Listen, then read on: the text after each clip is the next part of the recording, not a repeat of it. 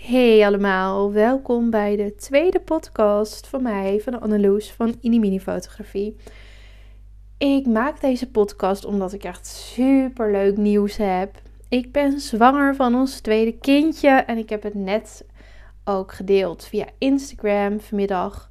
Het is nu avond nu ik dit opneem en zoveel leuke reacties heb ik gekregen. Echt zo lief. Ik denk eigenlijk dat niemand het per se meer had verwacht. Omdat Jul, die wordt in juni, wordt hij alweer zes.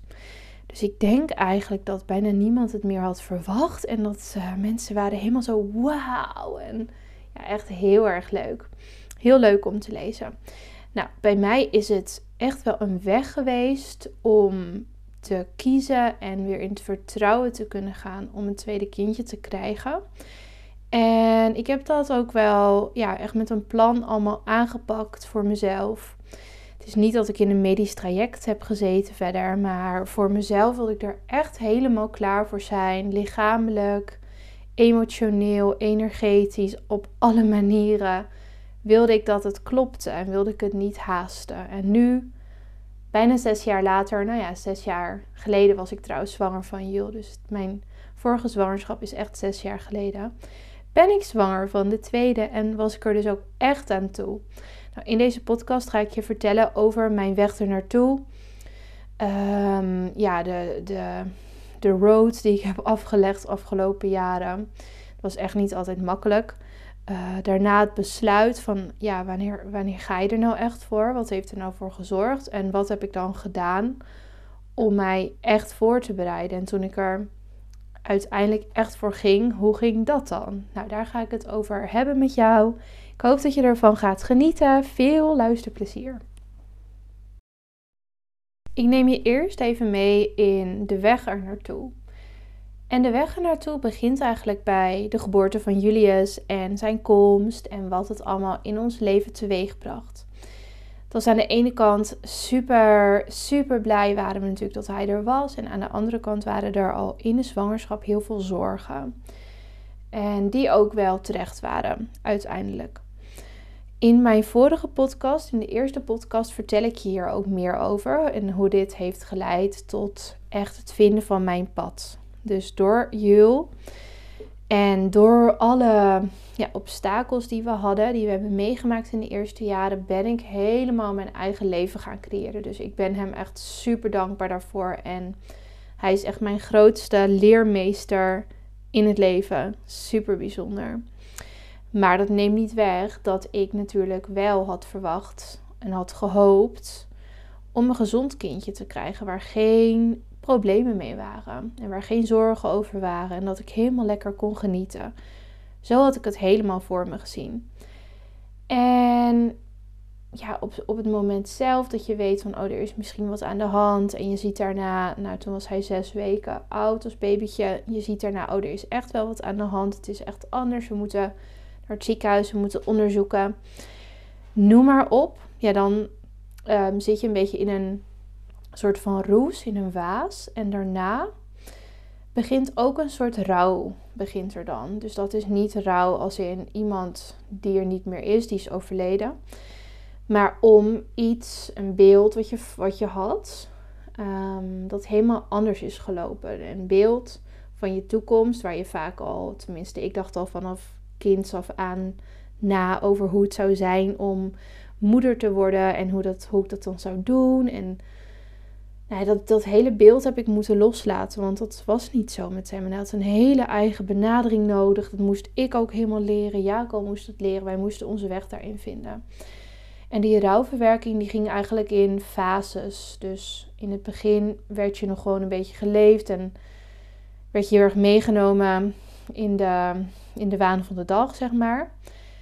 En op een gegeven moment begon het wel verdriet te komen, omdat je dan ziet bijvoorbeeld andere kindjes die wel de ontwikkeling doormaken en jouw kind kan het nog steeds niet en hij gaat nog steeds verder achterlopen. Niemand weet wat er was, wist wat er was. Nou, dat was echt een hele zware periode voor ons allebei, voor Jaco en mij en eigenlijk ook voor Jul, want die zat ook helemaal niet lekker in zijn vel. En uiteindelijk heb ik die hele rouwverwerking pas afgesloten vorig jaar toen ik al uit loondienst was. Dat was voor mij heel belangrijk dat ik uit loondienst ging. Om dus mijn eigen leven te creëren op mijn eigen voorwaarden. Maar het was voor mij ook super belangrijk moment. Um, nu ik terugkijk. Omdat ik toen echt de ruimte kreeg om het echt te verwerken en het echt te doorvoelen. En holy shit, het was echt niet leuk wat ik allemaal voelde. Ik voelde me elke dag verschrikkelijk. Ik moest elke dag huilen. Ik had ook een rouwtherapeut en uh, rouw- en verliestherapie heb ik gedaan een tijdje. En dat was vorig jaar was dat. Ja, jaar geleden zeg maar. In de winter. Dus 2021, 2022 was ik daar helemaal mee bezig. En ik wist wel van, the only way out is through, weet je wel ik had ook heel sterk het gevoel van als ik ooit nog een tweede kindje wil en ik voel het echt het vertrouwen om daarvoor te gaan, dan moet ik dit wel hebben opgelost. Dan moet dit helemaal verwerkt zijn. Want anders voelde het voor mij, als ik erover nadacht en er een leuk gevoel bij kreeg bij een tweede kindje, dan voelde het echt als van nu ga ik proberen of het wel lukt op de manier zoals ik het wil. In plaats van alles is welkom en ik ga er helemaal open en in vertrouwen in. Dus dan ging ik het echt een beetje. Zou ik dat dan doen met als drijfveer van nou, ik ga nu aan mezelf bewijzen dat ik het wel kan. Of dat, het, dat ik wel die moeder kan zijn zoals ik het wenste. Noem maar op. En ik voelde toen al, toen ik het dus nog niet helemaal had verwerkt, dat dat erachter zat. En dat ik niet nog een kindje wilde. Als ik me zo zou blijven voelen. En ik had ook geen idee of dat zou blijven, dat gevoel. Ehm, of dat ik dat echt zou kunnen verwerken. Nou, uiteindelijk heb ik het verwerkt. Dat kan ik nu wel echt zeggen, dat ik daar helemaal uit ben. Eigenlijk um, vorig jaar, toen ging ik ook naar Ibiza met vriendinnen. En vanaf toen voelde alles voor mij veel lichter. Dus toen was die rouwverwerking, die therapie achter de rug. Ik voelde veel, me veel lichter en veel blijer, veel energieker. Dat was heel fijn. Alsof ik echt heel veel zwaarte had kunnen achterlaten. En ook met Jul ging het toen heel erg goed. Die zat heel lekker in zijn vel en wij daardoor ook afzonderlijk van elkaar. Maar in onze relatie, die had natuurlijk ook heel veel te verduren gehad. Dus daar moesten we ook heel veel samen nog verwerken. Dus dat hebben we ook echt in de zomer eigenlijk ook gedaan. Nog een stukje in september. Toch de laatste stukjes uh, verdriet uh, opgeruimd daarin samen. Ook onder begeleiding van een therapeut. En dat raad ik echt sowieso iedereen aan. Het is echt zo'n cadeau aan jezelf. En uh, ja, voor je relatie als je het samen wil doen. Um, het is, ja, het is gewoon echt een cadeautje. En je haalt er zoveel uit en je proces kan zoveel sneller gaan.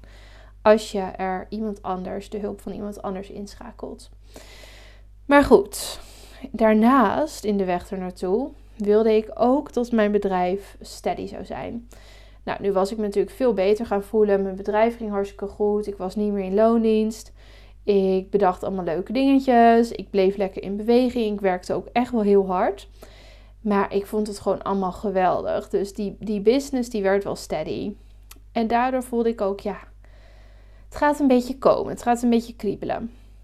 En daarvoor was eigenlijk één moment super belangrijk. Dat was een beetje een beslissend moment ervan. Dat was voor mij dus heel dubbel. In september was ik dus uit. Was ik helemaal uit die rouwfase. Mijn business was heel steady. Het ging tussen ons super goed. Jules voelde zich heel lekker. We gingen allemaal leuke dingen konden weer gaan doen. Omdat Jules zich daar ook fijn bij voelde. En we hadden echt super veel gevoel van vrijheid. En toen zei ik eigenlijk tegen Jaco. Nou, weet je, ik wil nu gewoon echt even geen baby. Nee, ik wil toch geen baby. Nee, nee, nee, nee, nee. En uh, echt zo grappig. Dus hij dacht echt van, nou oké, prima. En uh, dat jij dat zo voelt. En ik wissel daar nogal eens in. Uh, wat ik daarover zeg. En uh, nou, echt super toevallig, want volgens mij diezelfde dag of de dag erna kreeg ik een telefoontje. Ik zag al onbekend nummer. Toen dacht ik, oh, dit is de klinisch geneticus.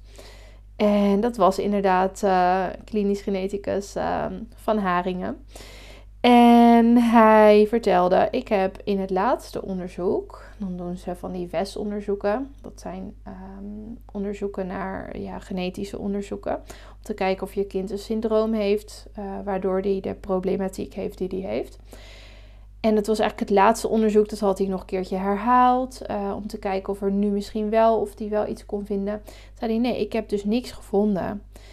En toen dacht ik wel, oh ja, ik heb echt gisteren of vanochtend gezegd, nee, ik wil echt niet nog een baby. En toen belde hij echt met van, oké, het is helemaal groen licht. Als jullie ervoor willen gaan, uh, dan uh, heb je ons niet nodig, zeg maar. Je kan er gewoon voor gaan en uh, je moet het risico zelf afwegen. Want je hebt wel iets meer risico dat er herhaling is. Dat is 1,2%.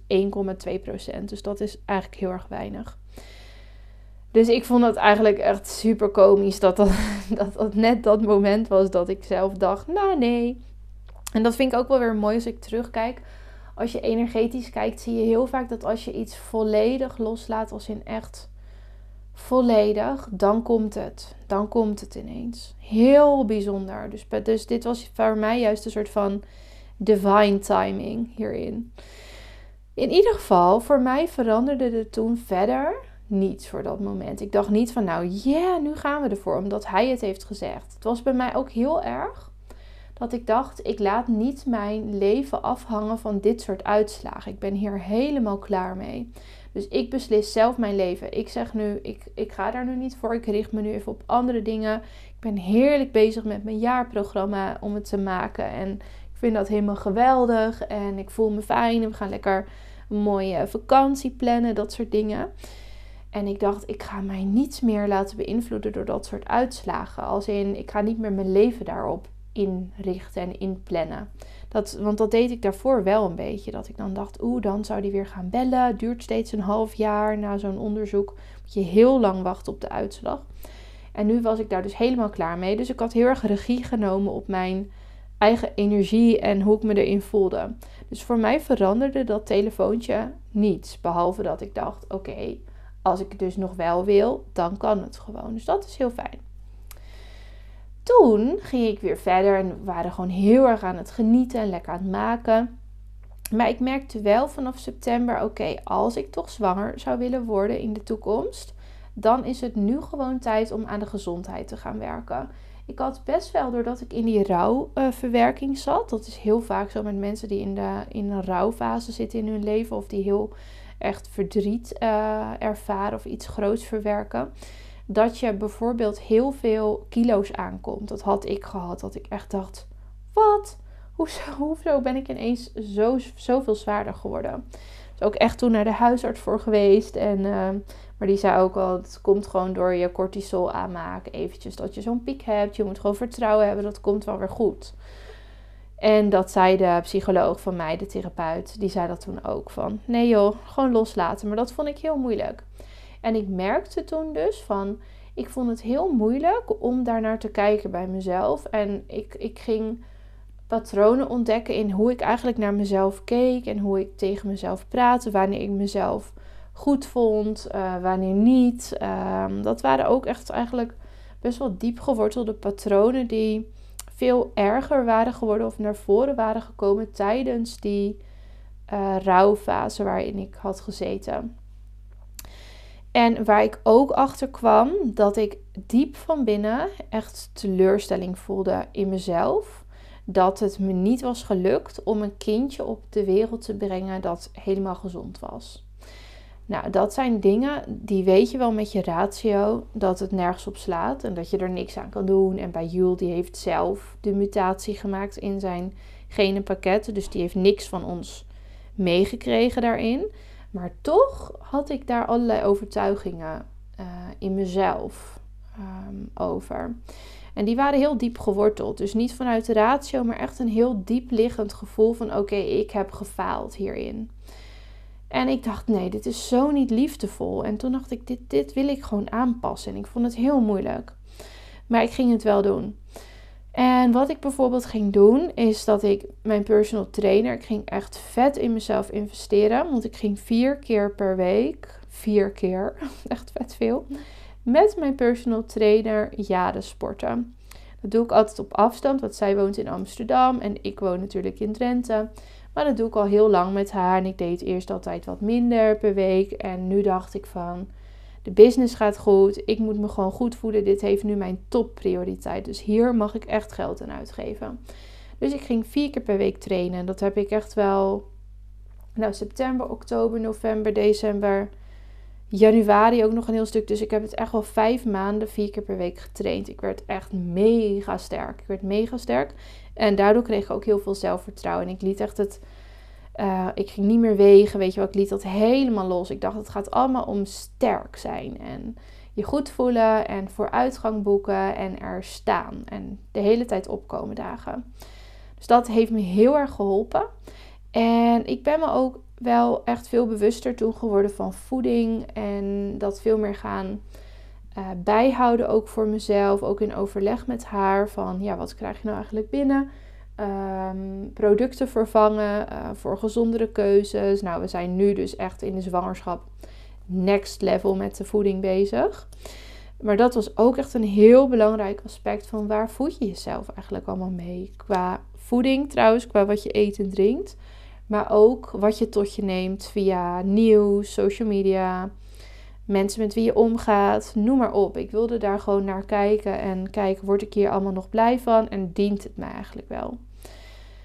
Wat ik ook deed en wat ik echt heel leuk vond toen, is dat ik podcast ging luisteren over moederschap, over uh, vrije geboorte bijvoorbeeld.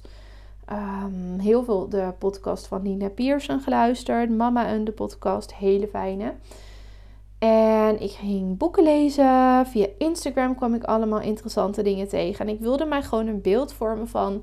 Ja, hoe gaat dit er eigenlijk allemaal uitzien straks? En hoe wil ik het eigenlijk? En ja, ik wil bijvoorbeeld um, niet dat het heel medisch wordt. Dat, vind, dat vond ik de vorige keer niet fijn. En toen uh, werden er heel veel onderzoeken en tests gedaan. En ik onderging dat allemaal maar, want het was mijn eerste kind en wist ik veel. En nu dacht ik, ik wil een andere stroming in. Ik wil een stroming van vertrouwen in. En ik wil misschien meer op een ouderwetse manier. Dat is misschien niet helemaal het passende woord, maar een manier waarin we niet alles meten. Alles, alles. En waardoor ik dus heel zenuwachtig word. Als ik dit aanga, deze zwangerschap, dat had ik heel helder. Dan is het vanuit vertrouwen en neem ik alles op de koop toe. Alles neem ik op de koop toe wat kan gebeuren.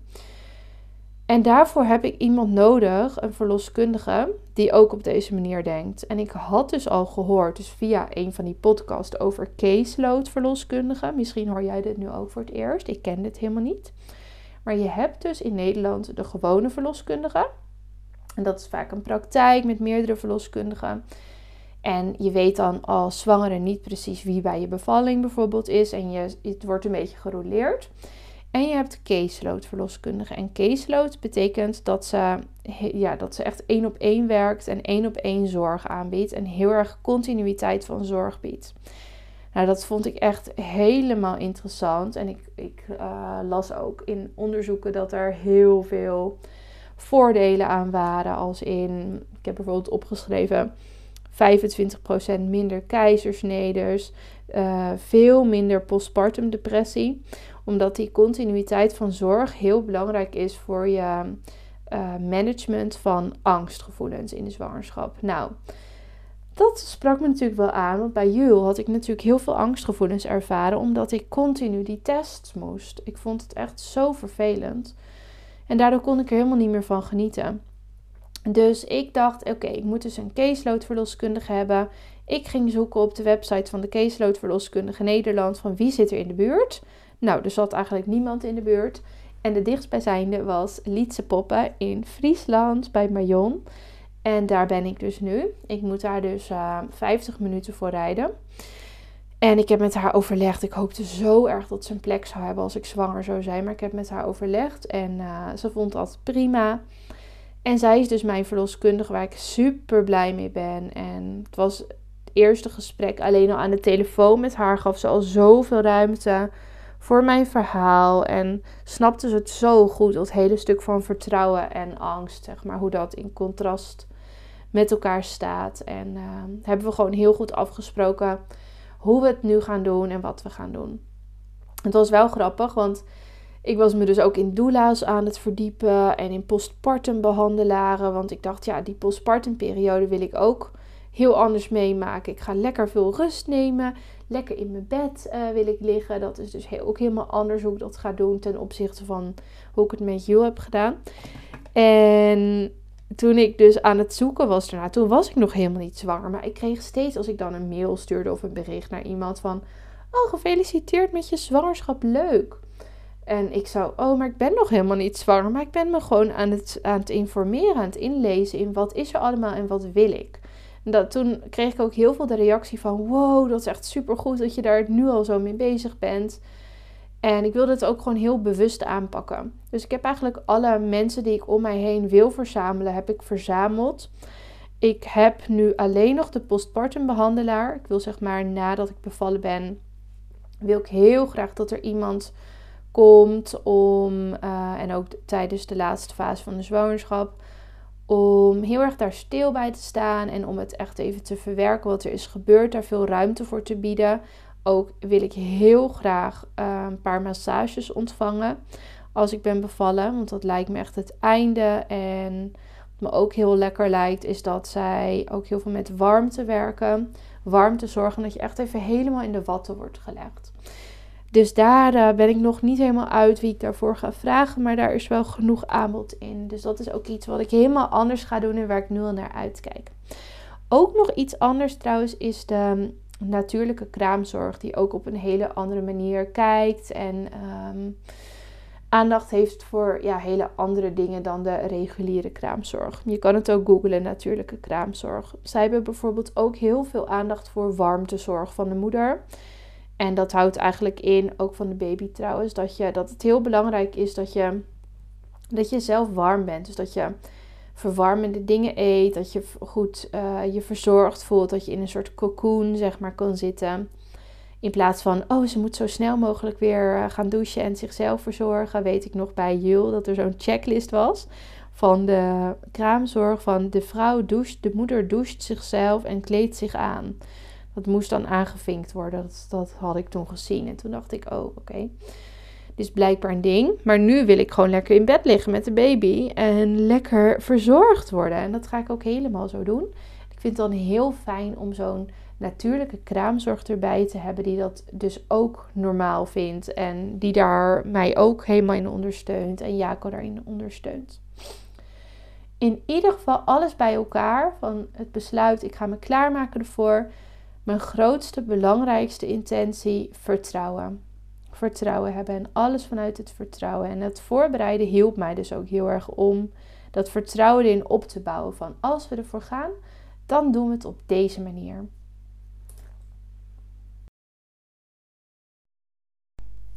Nou, eind december was ik dus echt totally prepared. Ik had iedereen gesproken die ik wilde spreken.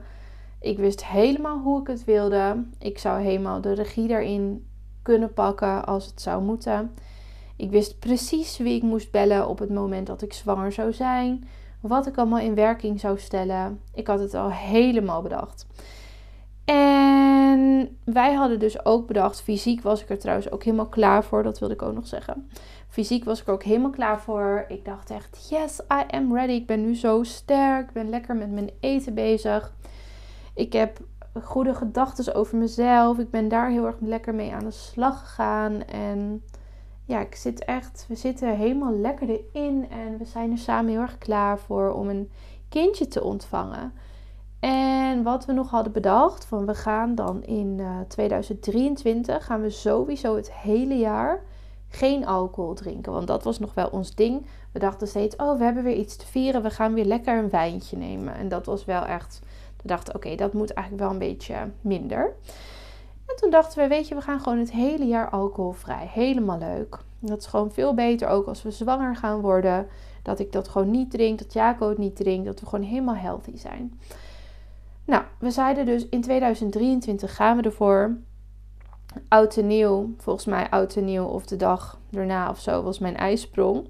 En ik raakte dus eigenlijk gewoon weer meteen zwanger. Net als bij Jul. Wat echt heel erg fijn is en echt een zegen. En ehm, ja, ik wist eigenlijk heel snel ook dat ik wel zwanger was. Uh, dat ik dan toch veranderingen aan mijn lichaam zag. En ehm, aderen, weet je wel, op je borsten. Zo herkennen heel veel vrouwen dat volgens mij wel. Dus voor de test wist ik eigenlijk wel van, nou oké, ik ben zwanger. En het was heel onwerkelijk en echt geweldig om na zes jaar dat dan weer mee te maken. Wauw. En ik voelde me toen dus best wel uh, moe eigenlijk al heel snel. Dat voelde ik ook al voordat ik die test had. Toen wilde ik na het eten steeds even liggen. Ik had heel weinig energie toen. En ik wilde heel erg in een cocon. Ik had ook helemaal geen behoefte, niet zoveel behoefte aan sociale contacten. Ik wilde gewoon heel erg de rust hebben.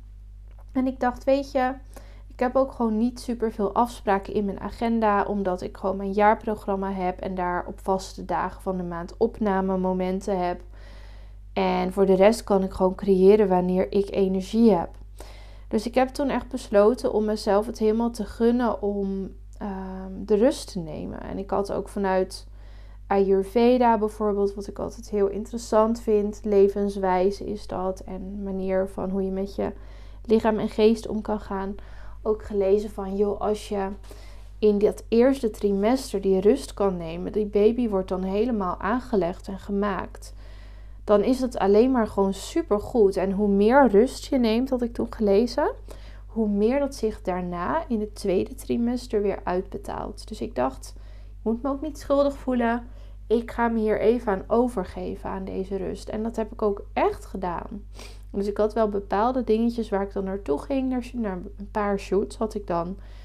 En de rest was ik gewoon heel veel thuis. Ik ging ook vaak slapen overdag. Ik had wel moeite met het sporten, want dat lukte echt niet meer al heel snel. Op het niveau waarop ik het deed. En ik deed wel ook wel echt zware krachttrainingen inmiddels na vijf, zes maanden. Was ik zo sterk geworden, hadden we zo erg kunnen opbouwen met de, met de gewichten en de herhalingen en noem maar op. Dat ik echt zei: Oké, ik moet echt minder nu.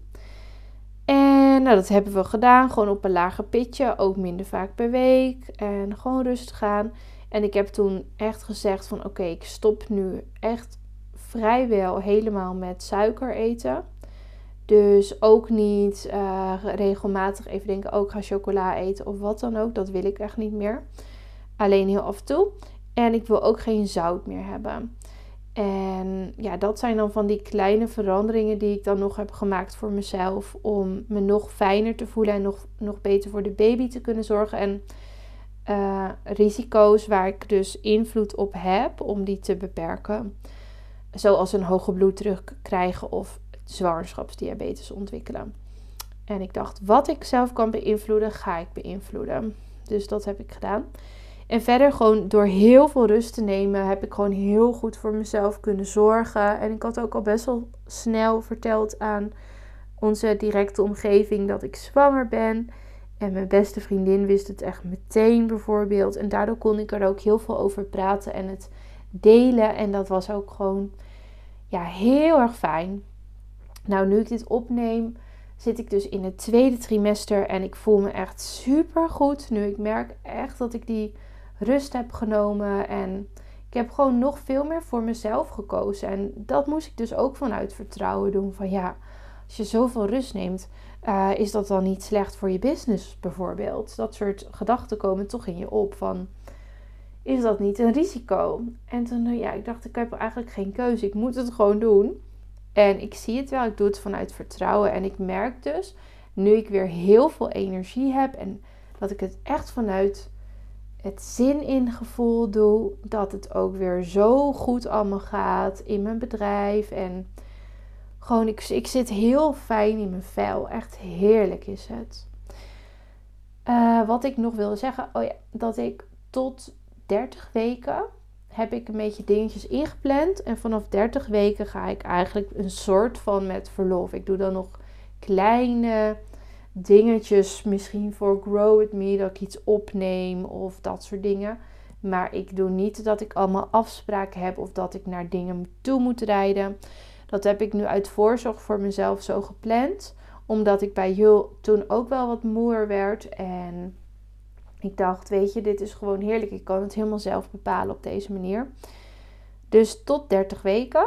En ik dacht, als ik me dan super energiek voel, dat kan natuurlijk ook, dan doe ik dan gewoon weer lekker dingetjes openzetten. Of dan organiseer ik nog iets leuks. Weet je, ik zie het wel. En dat vind ik nu heel fijn ook aan ondernemen, dat ik dat allemaal lekker zelf kan bepalen. Echt heerlijk gewoon. Nou, dat is dus hoe het nu gaat. En uh, ja, we zijn gewoon super blij. We hebben er heel veel zin in. We hebben nu eigenlijk alleen nog nou, gewoon de 20 weken echo. En we hebben dus ook afgesproken met Marion dat we, als zij de groei verder normaal beoordeelt, dat we verder geen testen of onderzoeken meer doen. Ook met de klinisch geneticus afgesproken. En die vond het ook helemaal prima. En uh, ja, het voelt gewoon echt heel fijn. En ik voel me, ik zeg ook wel eens tegen Jaco, ik voelde me bij Jules zwangerschap echt van meisje naar vrouw gaan. En nu voel ik me echt van vrouw naar soort van higher level of zo van mezelf gaan. Echt heel bijzonder. Dus ik zit ook heel erg in mijn creatiekracht. Je ziet mij nu misschien ook steeds weer iets nieuws dat ik dat dan bedenk en ga uitwerken en lanceer. Maar dat is dus helemaal hoe ik me nu voel. En het voelt zelfs alsof ik het samen met de baby doe heel bijzonder. Alsof we in energie gewoon samenwerken hierin. Echt heel dankbaar. Nou, er komt vast nog wel weer een nieuwe podcast, een vervolg hierop. Um, laat vooral weten hoe je deze podcast vindt. Deel hem ook in je stories, vind ik heel leuk. En het is ook heel fijn, want er zijn ook best wel wat ouders die soortgelijke situaties doormaken met hun kindjes. En soms vindt iemand mij ook via de podcast. Bijvoorbeeld de eerste podcast vonden mensen heel fijn om te luisteren die in eenzelfde soort situatie zitten. Omdat je dan vanuit iets wat heel moeilijk is, dat daar ook iets heel moois uit kan voortkomen. Dat je dat kan, even kan vooruitblikken bij iemand anders leven. Hoe dat voor die ander is geweest. Dat geeft heel veel hoop en, en kracht en ook vertrouwen. Dus ik hoop dat jij deze podcast ook weer wilt delen uh, met jouw volgers, misschien met ouders die een, ehm, ja, ook een beetje een zorgenkindje hebben of een beetje een soortgelijke situatie. Um, ja, lijkt me heel fijn. Daar kunnen ze misschien heel veel aan hebben. Dankjewel voor het luisteren en tot later.